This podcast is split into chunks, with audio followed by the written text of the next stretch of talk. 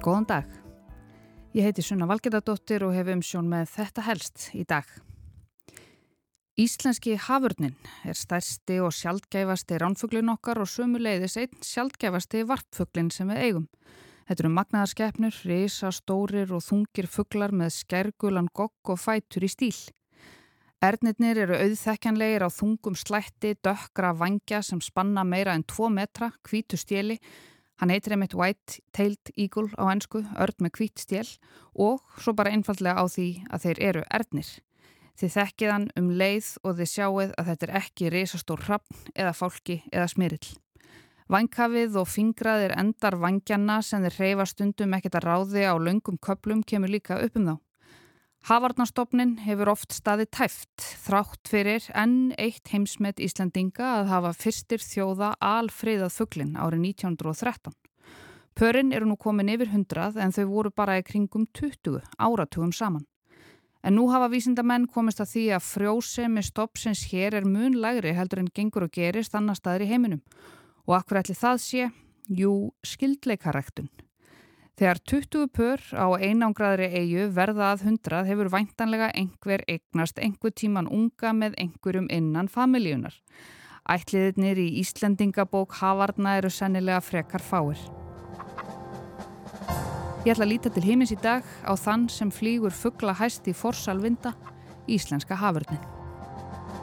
Klókulir ernir yfir veiði hlakka, í fiskar vaka þar í öllum ám.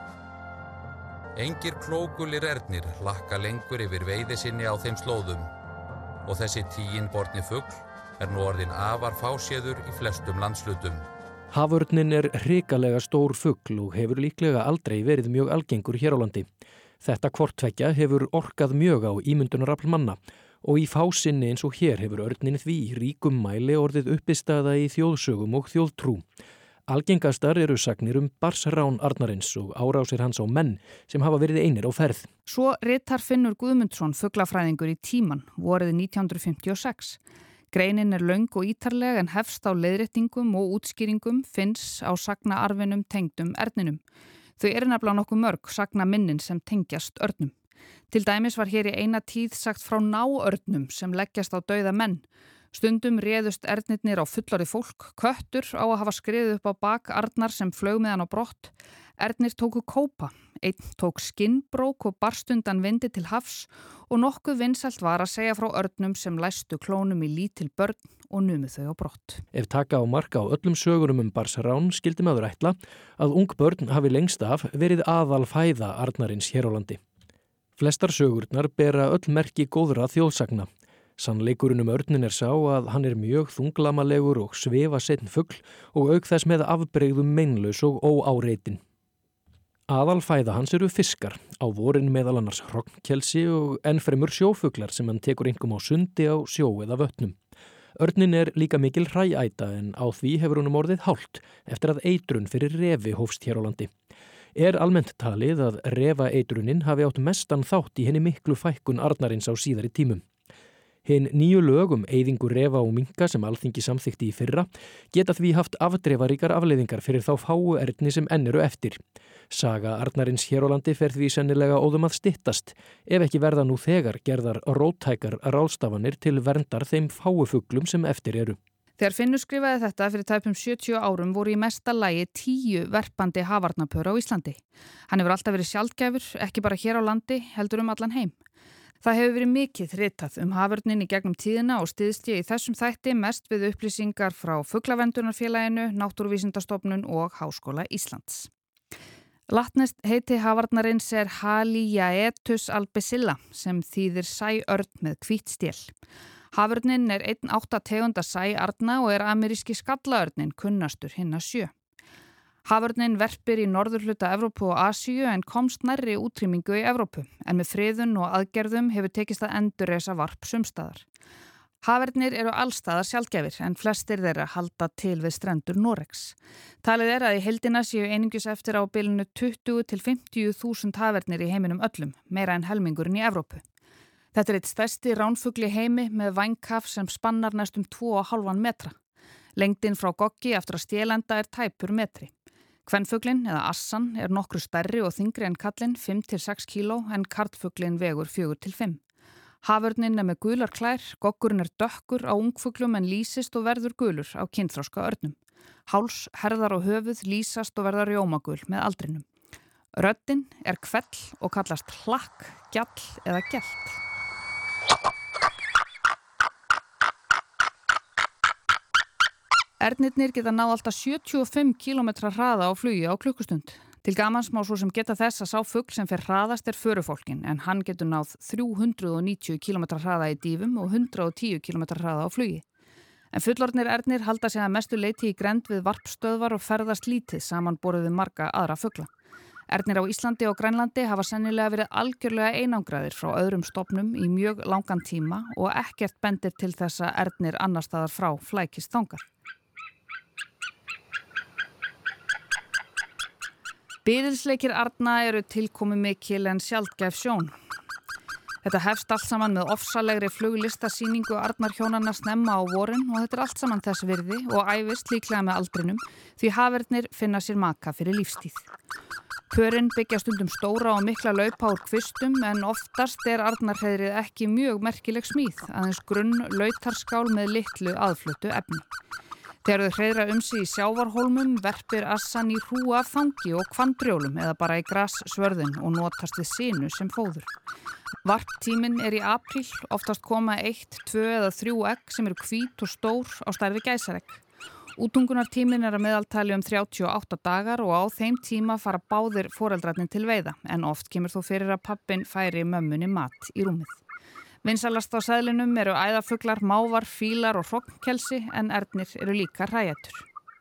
Ungarnir eru sinnþróska og verða ekki flegir fyrir en tíu vikna gamlir sem sé í ágúst. Þetta er langt þróskatímabil frá ekki til flugs alltaf hálft ár og margt getur farið úrskeiðis. Og algengustu affullin eða dauði ungana er á þessum tíma þegar foreldrarnir ná ekki að skíla þeim fyrir veðri og vindum. Ernir eru afar styggirfuglar en þeir eru jafnframt mjög viðkvæmir.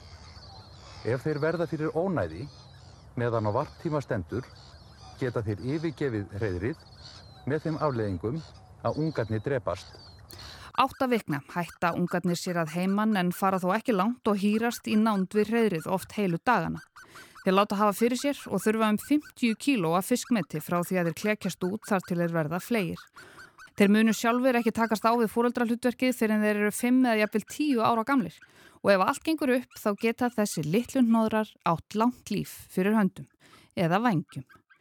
Jónas Hallgrímsson hann skrifaði 1835 að örnin verði 100 ára eða meira og geti flóið þrjár þingmannaleiður á klukkustund. Það var ekki alveg rétt hjá Jónasi þó þeir verði mjög gamlir þar að segja þeir sem komast yfir erfiðasta hjallan en ekki alveg svona gamlir. Merkingar á örnum Erlendis gefa til kynna að sumir þeirra komist hátt á færtugsaldurinn og í dýragörðum hafa þeir lifað framundir sextugt. En á hverju ári finnast hér dauðir erðnir sem hafa verið skotnir og rannsóknir náttúrufræðistofnunar á hræjum friðaðra fuggla sem hafa fundist frá árunnu 2000 sína að fjórði hver örn og fjórði hver fólki sem finnast dauðir og hafa yfirgefið heima óðal hafa verið skotnir. Og þær eru margar, ógnirnar sem stæði að framtíð tegundarinnar á þessari einangruðu eigu okkar í norður hjara. En þrátt fyrir friðunina seg enn á ógæfu hliðina fyrir erninum, engum vegna þess að haldi var áfram að bera út eitruð hræ um land allt. Þegar málið bara á góma á alþingi töldu ímsir þingmenn að söðfjárrektinn í landinu gæti ekki þrefist án svo viðtækrar eitrunar gegn refum. Þeir sögðu að ef það þýtti að örnum erði gjör eitt hér á landi, þá erði einfallega að kosta því til til lífsafkoma bænda væri í húfi. Af þessum sökum var svo komið um 1960 að aðeins 20 arnarpör voru eftir á hinnum fornu setrum og við lág að stopnin erði út döður. Árið 1996 kom út stór og mikil heimildamend um Haförnin eftir Magnús Magnússon. Titillin Hinn Helgi Örn.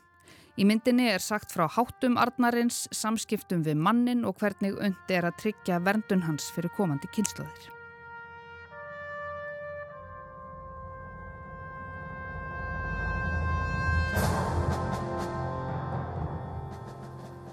Landsmenn hafa reynd að granda örnum allt frá fyrstu dögum Íslandsbyggðar.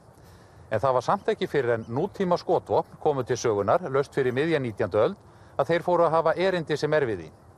Þá fyrst var hægt að skjóta á flugi, jafn stikkafugla og erni. Ekki bætti úr skák að um svipað leiti og stórfelt og skipulegt arnadráp hófst hér á vegum æðarbænda fór hið uppluga og bráðdreipandi eitur stryknín að berast hinga til lands. Stryknín var nota til að eitra hræ sem lögð voru út fyrir refi. Bændum þótti eitrið duga vel gegn grefnum og nótkun þess var því mjög almenn um all land á skömmum tíma. En menn gættu ekki að því að örninni líka hræjæta og í vetrarhörkum sótti hann í eitruð hrægin engu síður en refurinn. Afleiðing þessarar eitur herrferðar var því svo að ernir stráfjallu um allt land, þannig að stemdi í útrýmingu Arnarstopsins. Og hún Sigriður Hagalín Björnsdóttir var með þessa frétt fyrir 23 árum þar sem hún rætti við Kristinn Haug Skarpíðinsson, fugglafræðing. Þetta gæti svo sem alveg eins gerst í dag. Ernir hafa verið fríðaðir í eru margra áratúar skeið en stopnin hefur ekki stækkað sem skildi. Undanfærin ár hefur þó alltaf 40 pörum tekist að koma upp ungum. Og til dæmis eru núna eitt par að verpa á stað sem að örnum var útrýmt með eitri árið 1915. Það er í fyrsta skipti sem, að, sem Ernir hreyðra sjóð þeim varstað síðan að, síðan að, að eitri var gömlu fugglunum aldur til að. Fugglafræðingar binda vonir við að Arnarstofni náði lókum fyrri stærð sem var um 150 varpur en ljóst er að það tekur langan tíma. Kristinn Haugur segir þó að örnum sé orðin árlegur gestur á Suðausturlandi og vonar að hann geti bráðlega hafið varp eistra.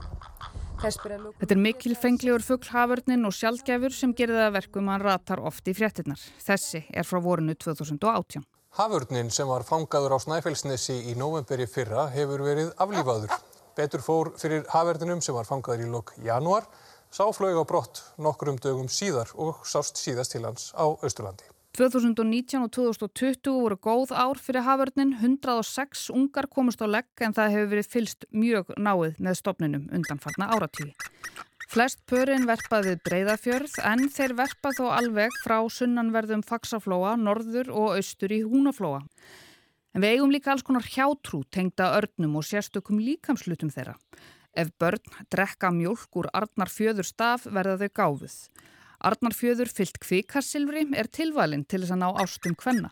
Þjæðirinnar þær bæta líka minni, þær koma í veg fyrir þjófnað og blekkingar og geta hjálpað konum í barnsnöð. Gall úr hafurnum lagar augnveiki, Arnar klóskal leggja við bakverk og hún varnar líka bruna. Og við skulum halda okkur við vísindin því að þó að einstakarsinnum berist jákvæðar fréttir af íslenska hafverðninum eru hinnar algengari því miður. Í fyrra greindist skæð fugglaflensa í dauðum hafverðni og var þetta í fyrsta sinn sem veiran fannst hér. Örnin var með senditæki á sér og hafi drepist í oktober 2021 í Breiðafjörð og svo koma aðrar fréttir núna í februar af stopninum. Hann gæti verið í hættu enn og aftur.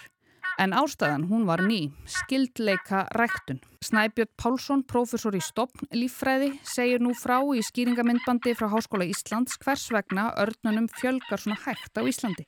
Frjóseminn er einungis þriðjungur af frjósemi sænskra hafarna.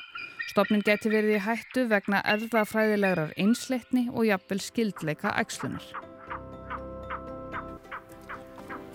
Hann er uh, jú einangrað frá öðrum svæðum, bara svona eins og marga lífur á Íslandi. Það er ekki þekknið dæmi um far milli Íslands eða Grænlands og, og meginlandsins og við sjáum erðafræðilega sérstöðu þessara fuggla bæðið Ísland og Grænlandi. Þeir eru aðskildi frá Evrópu og virðast að hafa aðgræns bara strax eftir síðasta jökulskeið og eiga kannski e, frekari skildleika við stopna sem eru út auður Hafernirnir eru efstir í fæðukæðjunni á strandsvæðunum og eru því viðkvæmir fyrir uppsöpnun eituröfna sem hafa haft mjög neikvæð áhrif á frjósemi þeirra um allan heim. Í litlum stopnum er náttúrulegt val veikara en í stórum, auk þess sem einstaka breytingar fylgjast frekar að innan litninga. Skadlega stökkbreytingar geta því frekar sapnast fyrir og eins hafa stökkbreytingar sem hafa jákvæð áhrif á lífslíkur eða frjósemi sem eru mun sjálfgjafari minni möguleika á að aukast. Við Íslendingar berum ábyrð á því að þessum mikilfenglega fuggli verði ekki útrýmt úr íslenskri náttúru. Mér verður það ávalt minnistætt er ég kom í fyrsta skipti að Arnar hreðri hér á landi snemma vors 1939. Það var í reikalegri fjálslíð við þraungan fjörð og var þaðan viðsýni mikið um sund og voga. Arnar hjónin voru all nærgöngul en þó ekki áleitin. Þessir risavöksnum óbrúnu fugglar með hrímgrátt höfuð og háls og hvít stél svifu gjallandi yfir hreðrinu borðnir uppi af loft upp streyminu við bratta fjálslíðina. Öðru kvoru glampaði á gullt nef og gula krefta fætur sem vafalaust hefðu reynst hinn ægilegustu vopn ef þeim hefði verið beitt. Á háum stapa í miðri hlýðinni var hreðrið, stór skál eða dælt með tveimur hvítum eggjum. Á sínu stráunum við skálarbarmana bærðust gráir dúnhnoðrar í napurri vorgólunni sem nætti um heit ekkin. Langt fyrir neðan gataði líta fugglahópa á sundi á bláum fyrðinum.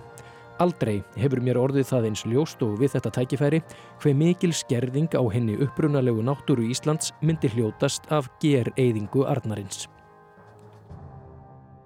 Reitaði Finnur Guðmundsson í tíman 1956 og ég ætla að leifa honum að skilja okkur eftir með þessar hugleðingar sem við getum við slítið annað gert með en að krossa fingur, líta til heimins og fara vel með náttúruna og það sem í henni er. Ég heiti Sunna Valgeradóttir og Íslenski Haförnun var helst hjá mér í dag. Takk fyrir að leggja við hlustir.